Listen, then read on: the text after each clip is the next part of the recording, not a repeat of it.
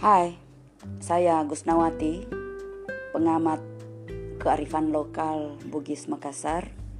Kali ini saya akan membacakan kumpulan petuah Bugis Makassar secara bersambung dari hari ke hari. Oke, selamat mendengarkan.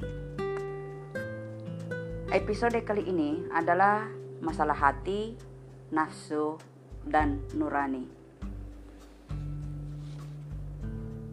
Ungkapan Bugisnya seperti ini.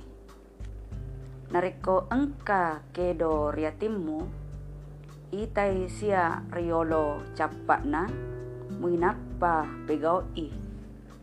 Apa dua ritu kedona atie, sewani kedo marni i, maduanna kedo mabasai. Nariko kedo marni i, madecengi ritu ripesiga kiwi pegoi kuamengi napajajiwi dewatae deceng. Nariko kedo mawasai amatu matungangiwi kuamengi tenna paji tenna pajajiwi dewatae ja Artinya,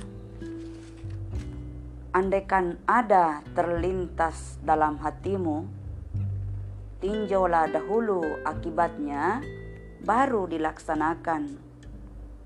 Sebab dua macam gerak hati. Pertama, gerak kecil. Kedua, gerak besar. Kalau geraknya kecil, sebaiknya dipercepat pelaksanaannya Semoga Dewata merahmati dengan kebaikan. Kalau geraknya besar, perlambatlah. Semoga Dewata tidak menjadikan keburukan. Interpretasi dari ungkapan ini adalah bahwa gerak kecil adalah gerak yang halus, pertanda gerak yang bersumber dari nurani. Itulah sebabnya, bila nurani yang menggerakkan, perlu dipercepat pelaksanaannya, karena tiada keraguan lagi akan menyimpang dari jalur kebaikan dan kebenaran. Sebab hanyalah nurani yang peka terhadap getaran kebaikan dan kebenaran.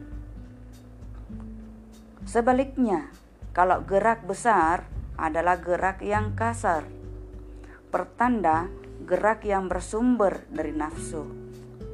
Nafsu terlalu kasar untuk dapat menangkap getaran halus dari kebaikan dan kebenaran. Itulah sebabnya maka ditunda pelaksanaannya. Demikian. Assalamualaikum warahmatullahi wabarakatuh.